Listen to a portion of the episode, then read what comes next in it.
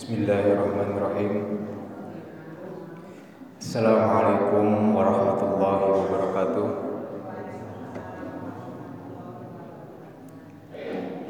إن الحمد لله نحمده ونستعينه ونستغفره ونعوذ بالله من شرور أنفسنا ومن سيئة أعمالنا من يد الله فلا مضل له ومن يضلل فلا هادي له ربي اشرح لي صدري ويسر لي امري واحلل عقدة من لساني يفقه قولي عما بعد وقال الله تعالى في القرآن الكريم أعوذ بالله من الشيطان الرجيم بسم الله الرحمن الرحيم إنا أنزلناه في ليلة القدر وما أدراك ما ليلة القدر. ليلة القدر خير من ألف شهر تنزل الملائكة والروح فيها والروح فيها بإذن ربهم من كل أمر. سلام. سلام هي حتى مطلع الفجر. وقال الدعاء اللهم يا جامع يا بديع السماوات Ya Jal Jalali wal Ikram Jamilni bil Fasohah wal balaghah wal bara'ah wal Haula wala quwata illa billah. Amma ba'd. Ibu bapa hadirin hadirat dan Ya Allah wa iyyakum ajma'in. Tipayun mangga orang sami-sami menjatkan puja kanu maha kawasa urang pujian muji kanu maha suci. Anu mana tos maparin kanikmatan anu begitu luar biasa kenikmatan sehat kenikmatan dipasihat dipasihan waktos kangge urang. Ngalengkahkeun sampean urang sadaya ieu majelis majelis tolabul ilmi majelis anu mudah-mudahan dina ieu sasih Ramadan. Dinten-dinten akhir sasih Ramadan mudah-mudahan dina akhir atau sisa sasi Ramadan iya mudah-mudahan orang tiasa kiat menjalankan mengamalkan atau melaksanakan kewajiban kita sebagai umat Islam sebagai mudah-mudahan yang dipanggil oleh Allah sebagai orang yang beriman ya ayyuhalladzina amanu kutiba alaikumusiyam sebaik-baiknya siam sebaik-baiknya puasa sekuat-kuatnya kita menahan segala godaan dari puasa dari segala kemauan duniawi mudah-mudahan kita diberikan kekuatan sampai akhir sasi Ramadan ini. Tihilap salawat sinarang salam mugia salalamina tercurah limpahkan ke habibana wa nabiyana Muhammad sallallahu alaihi wasallam. Tihilap kepada keluargana, para sahabatna, kepada tabi'in, kepada ulama solihin kepada pengikutnya mudah-mudahan urang ayah dina kelompok atau masuk ke dalam umat yang taat kepada Nabi Muhammad Sallallahu Alaihi Wasallam. Amin ya Allah ya Rabbal alamin. Ibu bapak hadirin anu dimuliakan ku Allah dina subuh iya dina pangawasan iya alhamdulillah dinten 27 7 likur ya 27 Ramadan. Yang paling populer para ulama menyebutkan bahwa Lailatul Qadar itu di hari-hari ganjil termasuk yang populer 27 17 nuzulul Quran tapi ada pendapat-pendapat lain di ulama. Dan mudah-mudahan itulah kerahasiaan sirul Lailatul Qadar kerahasiaan Lailatul Qadar mana sudah tadi disebutkan di awal pembukaan surat Al-Qadar.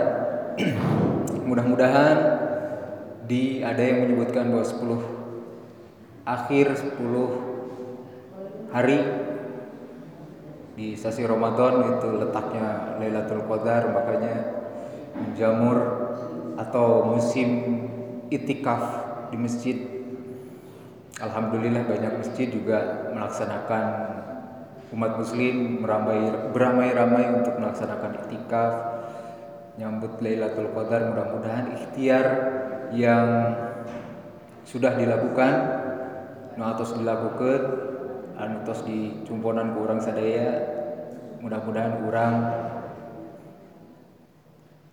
tiasa kengeng amalan atau napi pahala dina wungina Lailatul Qadar. Hadirin rahimakumullah. Dina subuh iya kapungkur di awal-awal Ramadan pribados nyampaikan salah satu riwayat ulama besar ahli tasawuf kuningan kene bu. Masih kene ingat? Saha Imam Ghazali kapungkur. Eh, awal-awal Ramadan abdi menjelaskan Atanapi menceritakan kisah Imam Ghazali. Yang di dalamnya juga kita membahas tentang kitab Ihya Ulumuddin.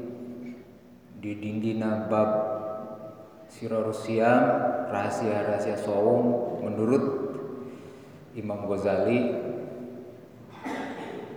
yang dari mulai puasanya orang awam atau orang bermula puasa sampai ke saum khawas orang yang khusus sampai ke muslim yang khawasul khawas khusus dan terkhusus. Mudah-mudahan yang awal kita pertemuan di pengawasan pembahasan Imam Ghazali mudah-mudahan tiasa orang melaksanakan nah dinten iya subuh iya abdi bade ngaoskeun riwayat tokoh ulama besar yang lain. Yang sering kita dengar yang sering kita uh, ucapkan dalam nadom-nadom atau dalam tawasul. Dalam kita bertawasul sering kita mendengar nama tokoh besar ini. Akan tetapi pertanyaannya pertarosanana adalah apakah kita kenal apakah orang sadaya kenal sosok ulama besar yang sering kita apa lafalkan di dalam tawasul atau nadong-nadong. Siapa tokoh itu? Saha tokohna? Tokohna yakni nu ayeuna bade ku abdi dibahas biodatana sekilas yakni Syekh Abdul Qadir Al-Jailani.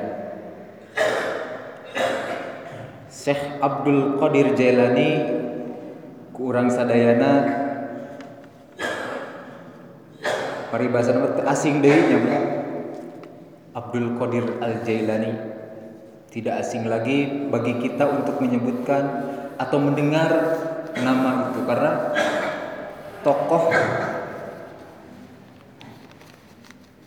tokoh ini adalah tokoh yang tokoh sufi yang paling populer anu paling populer di Indonesia. Karena ya mayoritas kita itu sunni. Jadi sering tawasul juga di dalam tawasulnya juga melibatkan Syekh Abdul Qadir Jailani untuk kita bertawasul mendoakan keberkahan sedikit keberkahan dari beliau dari tokoh ini. Terutama tokoh ini juga populer populer di benua anak India jadi di India di Pakistan. Tokoh anu namina Syekh Abdul Qadir Jailani itu terkenal. Nah, mungkin ibu bapak atos nguping oge ayah nu namina manakib. Manakiban. Nah, manakiban uh, sering oge ayana uh, di masih keneh ayahnya di lembur-lembur terutamina pami di Bandung Barat mah di Pakidulan aya di Rongga eta uh, tidak setahun itu ada manakiban oleh walaupun masyarakatnya tidak tahu tapi uh, ku ajengana manakiban itu sering dilakukan. Nah manakiban ini manakiban iya menceritakan atau ngadongengkeun atau ngaoskeun kisah dari Syekh Abdul Qadir Jailani. Manakiban teh.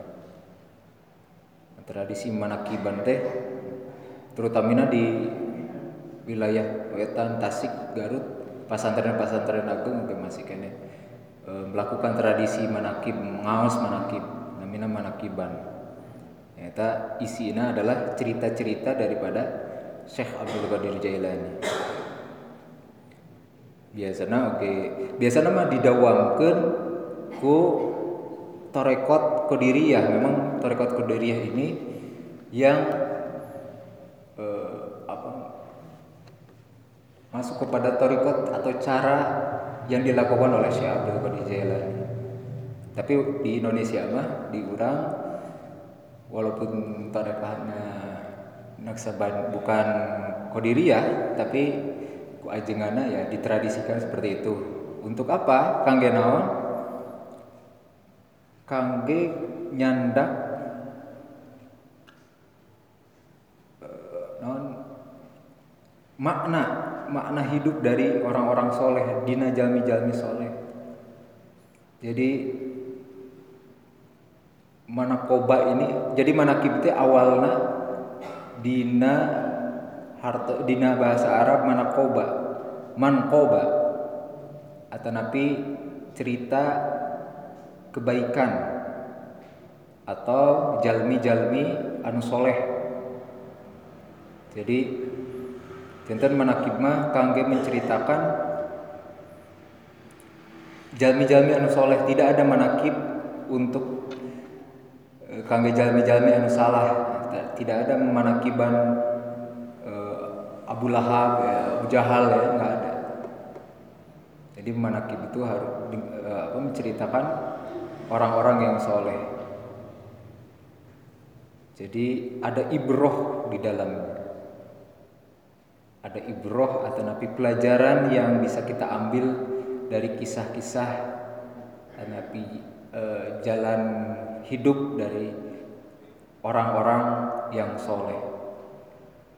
Itu makanya didawamkan atau ditradisikan di pesantren-pesantren atau perkampungan yang dekat pesantren.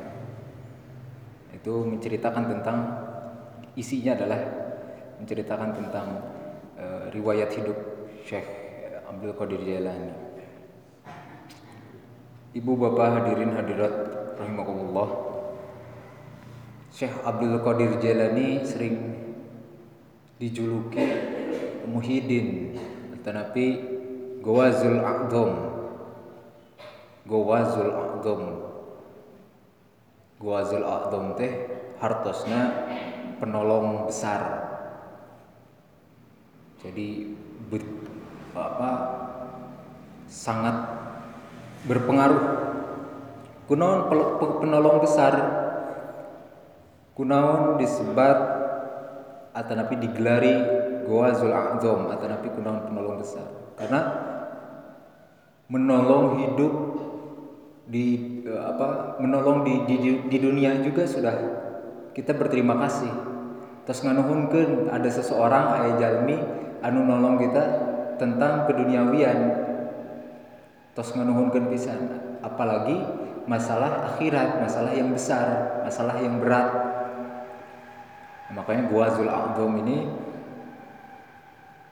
eh, Abdul uh, Syekh Abdul Qadir Jailani ini membuka menolong kita semua untuk mendekatkan diri kepada Allah, lebih dekat kepada Allah Subhanahu wa taala.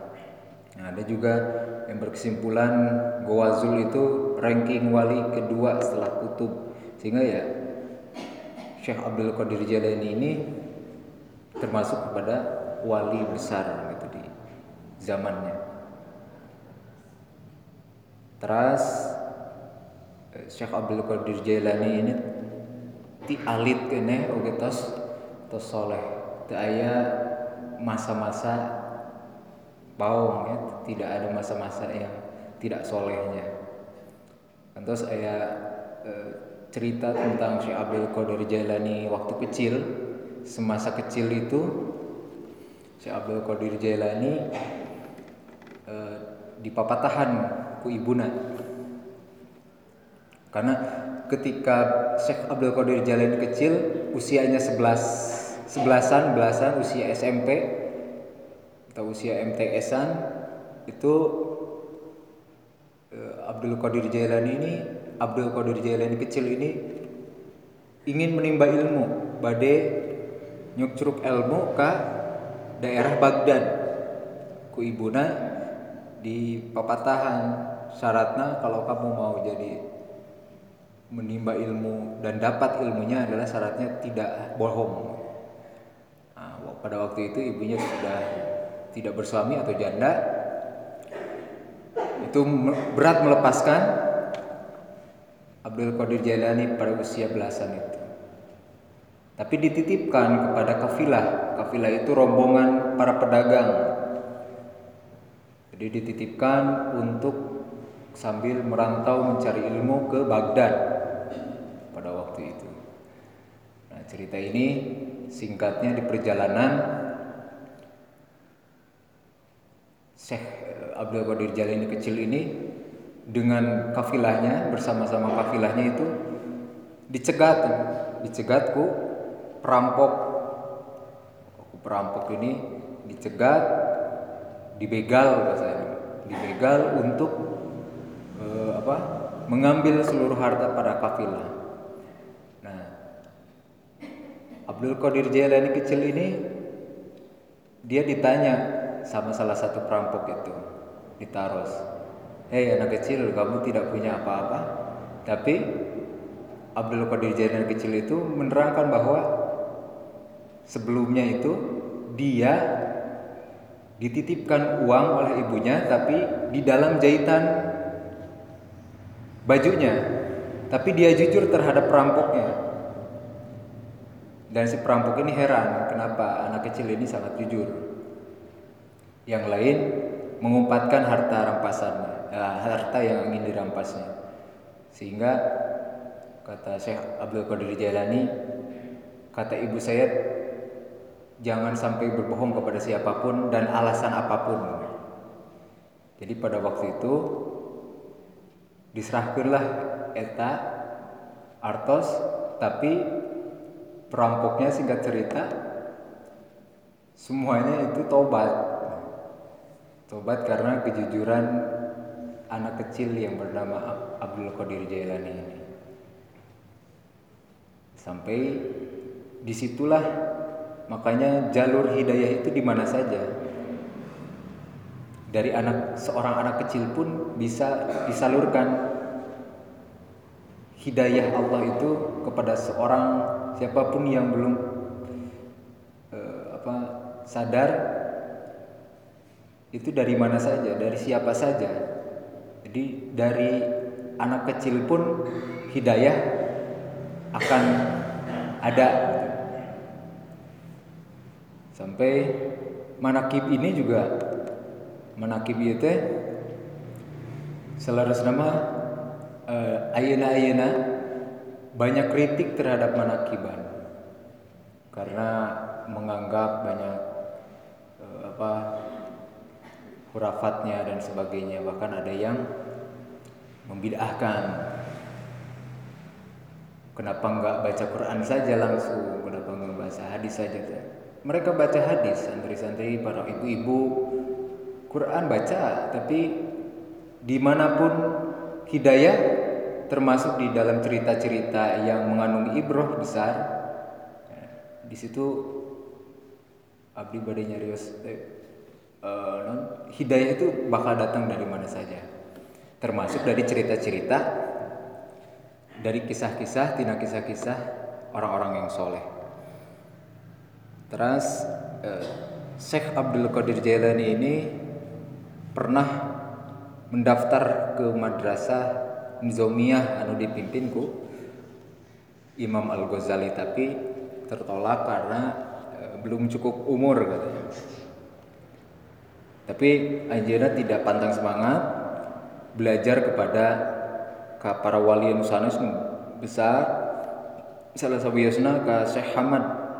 Syekh Hamad ini adalah wali wali anu ngajual sirup di pasar tapi kewaliannya sudah terkenal. Salah satunya ke Syekh Hamad. Terus eh, awalnya oke Syekh Abdul Qadir Jalani ahli fikih sebelum ahli fikih itu ahli yang eh, kepada ibadah yang secara zohir saja langsung berpindah terkenal kepada ahli tasawuf atau ahli yang mempelajari tentang ibadah lahir, uh, lahiriah atau napi uh, batiniah terus Syekh Abdul Qadir Jailani oke kawitna kapungkur alim ceramah alim apa pidato gitu ya. Kawitan mah alim berbicara di depan umum karena beberapa hal beberapa hiji anu tetiasa diungkapkan ku anjena akan tapi satu waktu Anjena memberanikan diri untuk berceramah di depan umum walaupun pada awalnya itu lingkungan sekitar teras kena sah masjid pinu teras tahun berikutnya sampai membludak ke jalan tahun berikutnya sampai alun-alun jamaahnya. Tahun berikutnya bahkan di dalam riwayatnya di, di, di riwayatnya sampai Syekh Abdul Qadir Jailani ini berceramah di di atas tower. Tower masjid. Sampai ku koyong ketinggalan terus ya sampai terkenal seperti itu. Banyak sekali karomahnya termasuk di dalam manakib itu jadi ceritakan kangge akan kangge wali mah karomah tapi kangge nabi adalah mukjizat walaupun di luar akal ente naon tidak masuk akal tapi yang namanya mukjizat atau nabi karomah ya tidak harus tidak masuk akal. Kalau masuk akal ya peristiwa biasa saja.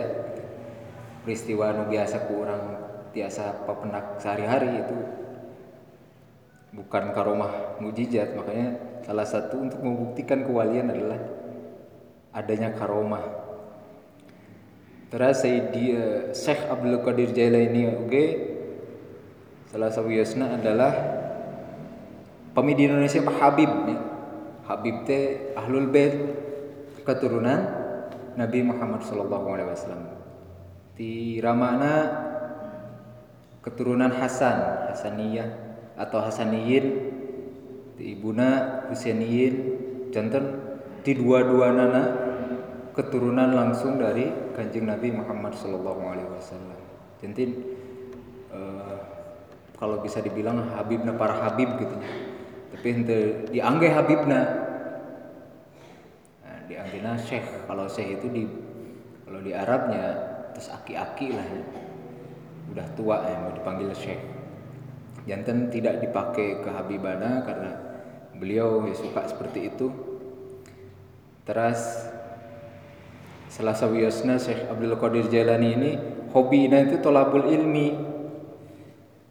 Orang jalmi anu suluk suluk teh menempuh atau menem, menerpa jalan kesufian. Anu sufi anu meninggalkan keduniawian. Tapi walaupun begitu Anjena mengikuti sunnah Nabi nikah oge. Pas usia 51 nikahna mengikuti sunnah Nabi. Tapi walaupun 51 cuman 51 langsung nikahnya opat bu. Opat istri. Sahanu alim ya ke ulama atau nabi wali.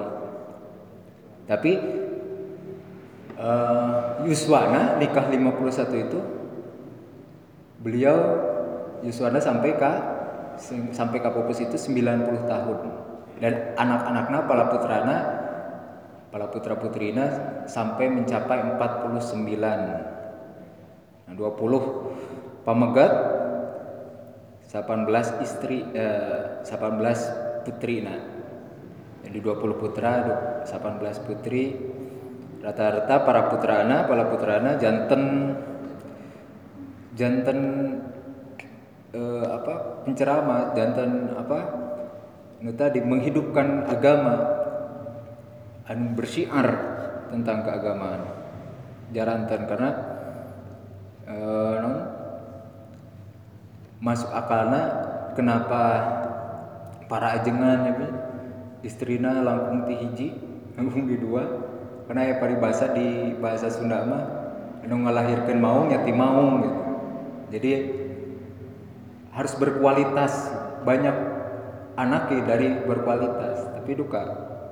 Pamianu hoyong dua istrinya tapi kualitasnya tidak ada gitu laki-laki.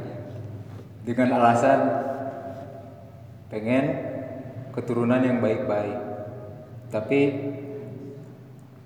di apa logikanya masuk akalnya ketika banyak anak itu ya ketika lahir dari orang yang berkualitas salah satu kitabnya itu Sirul Asror. Ayat kitab-kitab Anusanes, karya-karya Anusanes, ayat tafsir Al-Jilani, kemudian ayat Futuhu Goib, ayat Fatur Rabbani, ayat Salawat Wal Arrod. Nah, itu yang terkenal itu.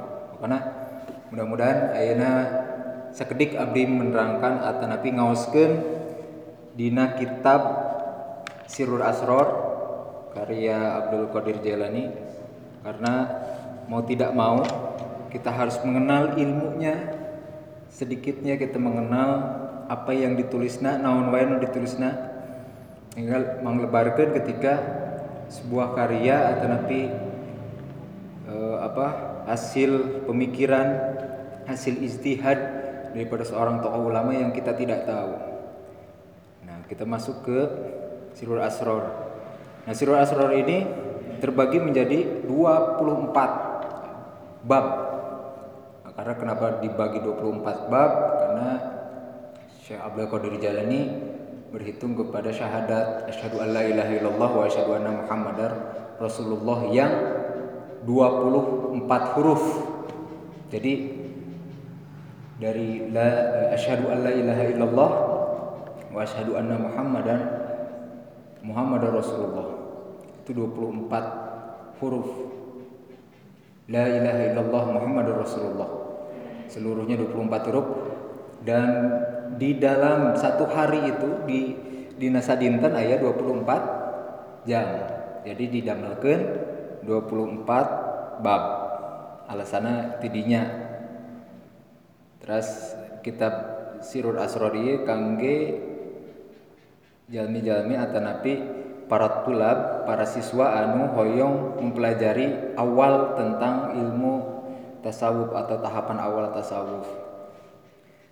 Nah, kita masuk ke bab pembukaan sebetulnya bab pembukaan neme ditulis di bab awalnya bahwa bab pertama adalah mendalami ilmu tasawuf ini untuk kitab-kitab atau tulab yang awal atau siswa-siswa pemula Teras ayat menerangkan cahaya cahaya-cahaya ilmu atau nur Muhammad dan seterusnya. Kita uh, orang sedang orang ieu ngaos dina. Bab ibadah. Fal ilmu munazzala. Jadi fal ilmu munazzalu. Ilmu anu dilungsurkan ku Gusti Allah munazzalu ka urang sadaya alaina ka orang sadaya ilmani. Eta aya dua jenis ilmu. Ya, ilmu nu dilungsurkeun ku Gusti Allah nyaeta aya dua jenis ilmu zahirun wa batinun. Nyaeta ilmu dohir wa batinun dan ilmu batin. Yakni asyariatu wal ma'rifah. Yakni nyaeta aya syariat kangge zohir sarang ilmu makrifat kangge batin. Fa amarullah fa amaru bi syariati ala zohirina. Maka Gusti Allah memerintahkan merintahkan ke orang sadaya kangge ngelaksanakan syariat bi syariati ala zohirina. Kangge jasmania orang karena zohir karena jasmani atau zohir orang wabil ma'rifati ala batinina. Sarang merintahkan makrifat karena batin orang lian taja min ijtima'ihima supaya lahir sarang batin tina kaduana bersatu atau persatuan kaduanana. Ilmu hakikah nyata ilmu hakikat. Kama qala kama qala Allah taala fil Qur'anil Karim sakumaha anu tos di ku Allah difirmankeun dina Quran Ar-Rahman marjal bahraini yaltaqiyan. Ayat dua laut anu di dibiarkan atau dibiar uh, ya dibiarkan ku Allah Subhanahu wa taala mengalir. Dua laut anu mengalir dua dua laut anu mengalir bainahuma barzahul la yabtagian anu keduana memang benteng kemudian bertemu tapi saling menggoib tidak menggoibkan tidak saling menafikan. Jantan menurut Syekh Abdul Qadir Jailani kedua ilmu itu zohir dan batin atau napi syariat dan marifat itu bakal bertemu. Seperti kedua laut yang bertemu yang mengalir dan bertemu memang benten tapi tidak saling menggaibkan atau tidak saling menafikan kedua ilmu itu. Jadi ilmu syariat dan marifat itu tidak berkaitan tetapi tidak saling menghilangkan. Harus syariat, ilmu syariat, ilmu fikih itu harus kita laksanakan dan ilmu batin juga harus kita laksanakan. Tidak keduanya, tidak apa? salah satunya, tapi harus kedua-duanya. Ilmu zahir la tahsulul hakikah ilmu anu dohir anu nyata anu fikihna anu syariatna la tahsulul hakikah tidak akan menemukan ilmu hakikat. Pami ilmu dohir hungkul wa illa fab mujarrad. Pami ilmu syariat hungkul eta moal menemukan hakikat. Pami orang sholat secara fikih saja tuntas tanpa kita di dalam batin kita di dalam jiwa kita uh, apa melibatkan batin kita maka tidak akan menemukan hakikatna hakikatna naon? Wala yasilu ila maksud. Sareng moal kapendak naon maksudna? Wal ibadatul kalimatu bihima. Berdasarkan kedua-duana karena wal ibadatu sarang ibadah anu sampurna wal ibadatu kamilah sarang ibadah anu sampurna bihima berdasarkan keduana ilmu makrifat sareng eh, ilmu syariat dan makrifat. La biwahidihima henteu salah sawiosna. Kama qala Allah taala fil Qur'anil Karim wa ma khalaqtul jinna wal insa illa liya'budun. Tepati-pati Allah menciptakan jin sarang manusia illa liya'budun kecuali kangge beribadah atanapi kangge pami terjemahan Abdul Qadir Syekh Abdul Qadir Jailani ai liya'rifuni. Atau atanapi supaya makrifat supaya kenal. Illa liya'budun dia liya'rifun oge agar supaya mengenal. Faman lam ya'rifuhu kaifa ya'bud? Maka sing saha jalmi anu ente kenal maka kumaha melayani na kumaha orang mengabdikan pelayanan kepada Allah na. maka sahur pepatah kan tak kenal maka tak sayang. Maka harus kenal dulu Allahnya. Faman lam ya'rifuhu kaifa ya'bud? Namun orang terkenal kumaha? Orang melayani Tuhan kita siapa itu? Kumaha? Melayani itu pengabdian kita mengabdikan kita kepada Allah Subhanahu wa taala. Ibadah nyata melayani untuk ayah melibatkan ibadah batina. Bagaimana kita mencintai Allah dengan bat uh, zohir dan batin, fisik dan lahir saya. Uh, keduanya harus. Jadi uh, pami orang contoh lahiriah hungkul orang uh, mapah di bumi masing-masing ya pengawasan ibu-ibu misal dina lahirna hungkul niat badai ngawas tapi batin nama pik pemikiran batina di mana e, berada di mana-mana gitu. Teu aya di majelis teu di masjid. Itu lahirnya saja. Tolabul ilmi lahirnya saja. Tanpa ada batinna tanpa mengikuti seluruh semua zahir dan batin. Itu bersatu maka tidak akan menemukan hakikat dalam tolabul ilmi. Misal paniatan kita, misalnya ibu niatnya pengawasan subuh karena semangat karena gaduh acuk baru. E, saya ke masjid hoyong hoyong pamer misal pamer gue tanpa tolabul ilmi. Itu ya benang pamerna pujian acuk atau anggayan itu tapi ilmu nate tekengeng. Tetapi man ukur ngalih kolam di eh, di bumi ke masjid dan sebagainya. Nah, gimana paniatan? Ya. Jadi pami orang lahir hungkulnya mual mual tiasa pamaksadana atau napi hakikahna mal mal kengeng. Makanya orang sering ngelakonan ibadah syariah tapi tidak dibarengi kubatin maka anu tes mengerti kanu batina pasti akan mengatakan atau nyarios oh ternyata solatnya ayah maknanya. Oh solatnya ada rahasianya. Oh ad, solat atau puasa itu ada manfaatnya. Allah memerintahkan. Kalau sudah mengeluarkan kata-kata oh berarti di sanalah hakikat ketemu.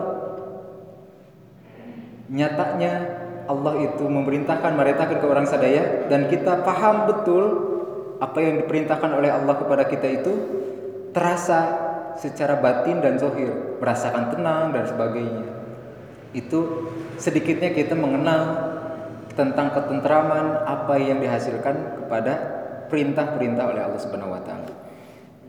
Nah, salah jengna ayah ranking ilmu atau macam-macam ilmu ya sering kita dengar oke okay?